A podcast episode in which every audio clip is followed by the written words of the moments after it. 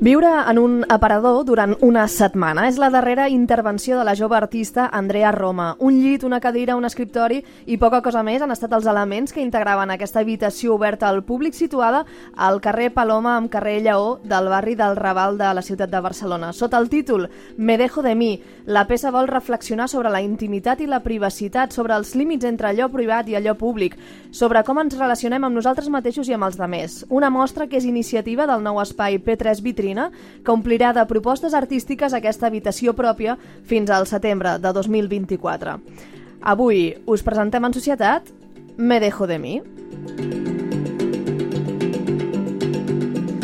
I també la seva autora, l'Andrea Roma. Què tal, Andrea? Bon dia, com estàs? Hola, bon dia. Molt bé. Estàs bé, et trobes bé, has pogut dormir bé, descansar bé? Perquè, clar, jo, mm, després d'estar exposada durant una setmana al públic, no?, no sé fins a quin punt eh, va pertorbar això fins i tot el, el teu son, no? Bueno, una mica, una mica. Era complicat dormir a vegades, però ara ja estic tranquil·la, descansada i amb la ment més oberta.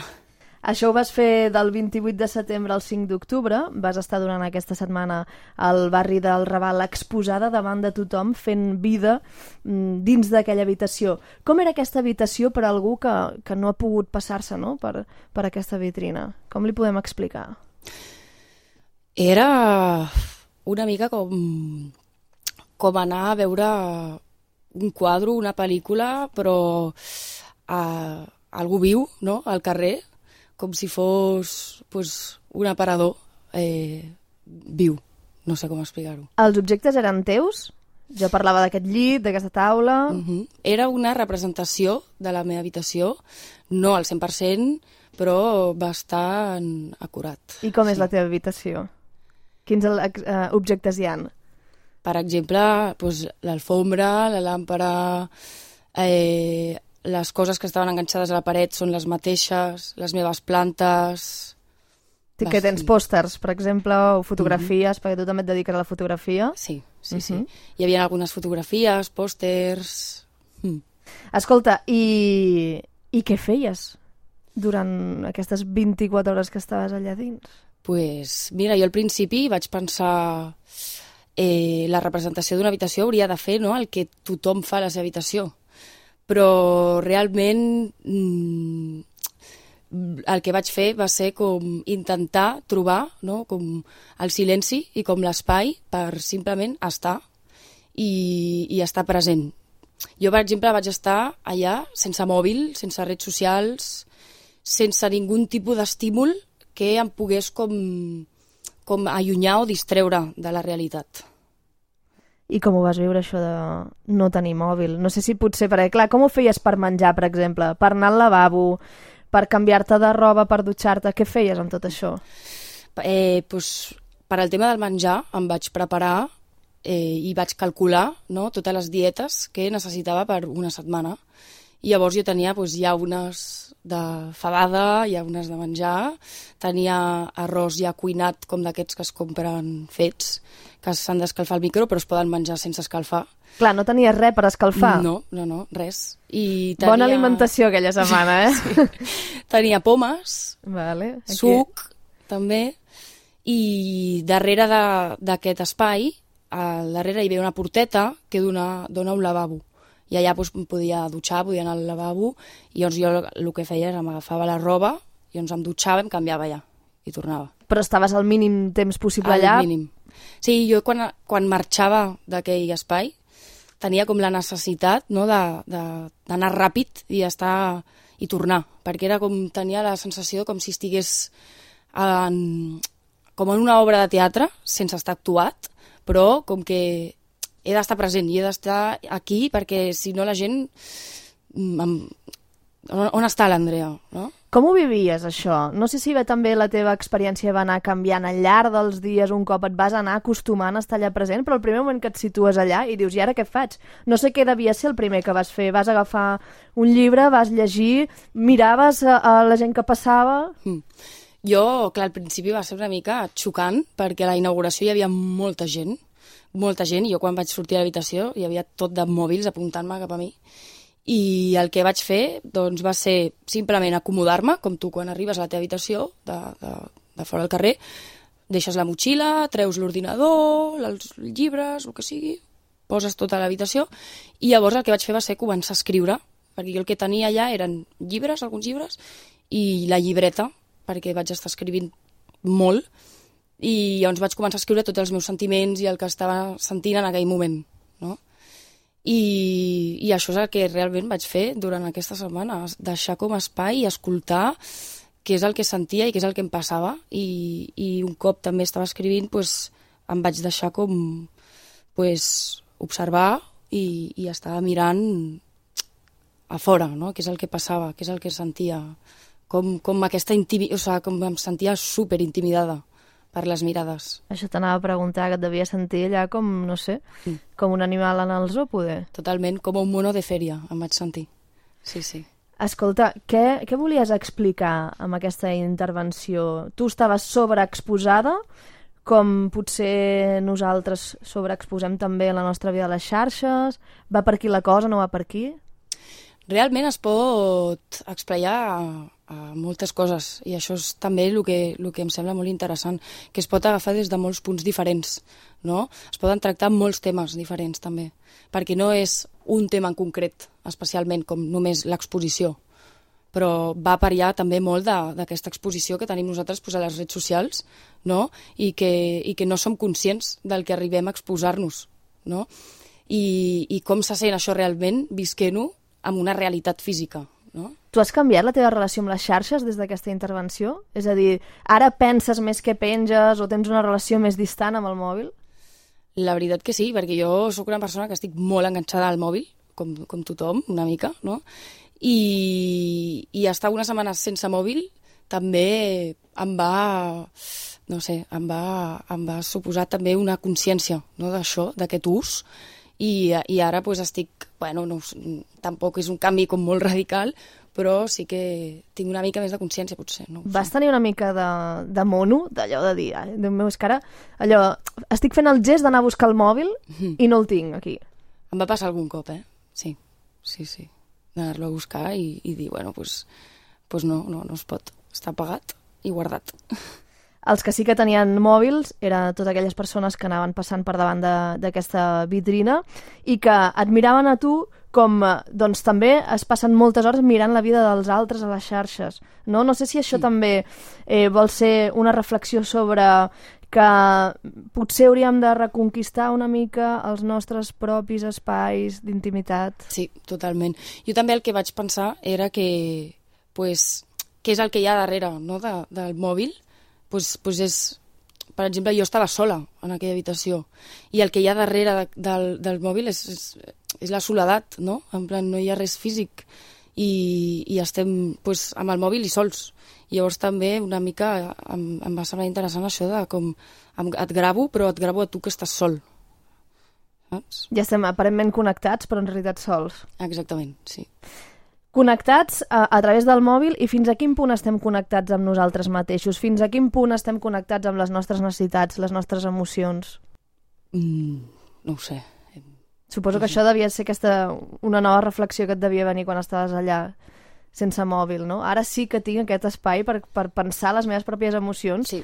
que potser quan estic a través d'aquest uh, aparell, doncs no Tot, sé si puc sí. connectar tant, no? Sí, també el que vaig estar pensant molt és, és la importància, no? I, I com aquest privilegi també de poder tenir un espai on puguis estar tu sol amb la teva intimitat. Vaig notar que, o sigui, vaig pensar que, que és, es tracta d'una forma bueno, com que no, tot, no tothom pot tenir un espai on estar sol i, i, i estar amb ell mateix. De fet, hi havia una mica de contrast perquè també això s'exposava al barri del Raval, que és un ah, barri amb, doncs, eh, bastant sense llarisme, no? I suposo que això hi havia com una certa paradoxa, un cert contrast en això. Totalment, sí, sí, sí. És, bueno, I és també una realitat, no?, com que, que existeix i que està allà. I, i a vegades pues, és xocant, la veritat. Com era la reacció de la gent? Perquè tu podies escoltar el que deien els, els que estaven al carrer, oi que sí? Sí. Sí, sí. I què deien? Jo escoltava tot i era interessant perquè hi havia molta gent que no sabia que jo jo escoltava i ho Val. sentia tot. I, Això bueno, devia ser interessant. Sí, sí, sí, molt interessant, perquè bueno, vaig sentir pues, comentaris entre la gent de, per exemple, algunes persones de, ostres, eh, me da cosa mirarla, ¿no? O, ostras, ha conseguido, ¿no? Lo que quiere un poco, porque estamos aquí como en, en la esquina, escondidos un poco, perquè ens, ens, ens provoca com un sentiment no, estrany, aquest d'invadir algú, perquè estàs com mirant no, tota la intimitat d'una persona, i, però d'això es tracta també, perquè jo estava mostrant-me i, i, i buscava una mica com remoure coses a, a la gent que, que passava per allà i mirava. De fet, tu et mostraves, diguéssim, en aquesta vitrina eh, com també eh, un exemple de fragilitat o vulnerabilitat, perquè tu estàs allà despullada en el sentit de, doncs, tancada, no? Mm. I permets que els altres entrin en aquesta, en aquesta habitació. Exacte, sí, sí. Jo també vaig notar com, com un treball molt de la presència, no? Perquè hi havia persones que m'intimidaven molt a mi, hi havia persones que se, ells se sentien intimidats per mi, i era com aquesta relació de no? qui té més presència sobre qui, no? i això era també molt, molt interessant, com aquesta relació, no? com de qui té més poder de la mirada o més, més poder d'aquesta d'estar allà present, no ho sé. Com va néixer aquest projecte? Com se't va ocórrer això de destapar la teva vida durant una setmana? Mira, doncs aquest projecte, a part de que va néixer conjuntament amb la gent que treballa a P3 Vitrina, eh, ve, ve una mica bastant de la mà d'un altre projecte eh, anterior que vaig fer, que és un projecte que es diu Diario de un paràsito, ¿vale? que és una mica l'altra cara de la moneda, i aquest projecte tracta sobre que vaig estar durant un mes, 30 dies, fora de casa, i vaig estar, eh, vaig com abandonar la meva intimitat entesa com a l'habitació, i vaig estar habitant durant cada dia del mes una intimitat diferent. I vaig estar habitant doncs, 30 habitacions diferents i vaig fer tot un, un recorregut de casa per casa i fent fotografies i escrivint un diari. Llavors, a partir d'aquest eh, projecte, doncs va sortir el Me dejo de mi, que va ser com, ara que us he robat no, la intimitat a vosaltres, a aquestes 30 persones que les he robat, perquè les he publicat, no? pues ara us ensenyo la meva vulnerabilitat i us ensenyo el meu espai. I què vas sentir durant aquests 30 dies al fer aquesta incursió en la vida de tantes persones, en tantes habitacions? Doncs va ser molt intens, va ser molt cansat, perquè és un com no parar, no? I d'estar de, tot el rato com buscant i, i cada... Clar, el fet d'estar cada dia en un espai diferent no et dona temps a evitar, evitar aquell espai perquè dorms una nit i el dia següent ja estàs buscant un altre espai. I també aquest fet de com habitar temporalment és com no sé, és interessant, és, és complicat també. Al final, quan sortim d'aquest espai propi, diguéssim, la, vas deixar la teva habitació, vas anar a 30 habitacions diferents, en aquest cas vas obrir la teva habitació al públic, al sortir d'aquest espai propi de la teva habitació, et comportes diferent amb cada habitació? Per tant, és a dir, hi ha un comportament teu diferent des de la teva intimitat a quan estàs d'una manera més pública, no?, amb altres persones? bueno, jo el que feia, per exemple, era deixar no?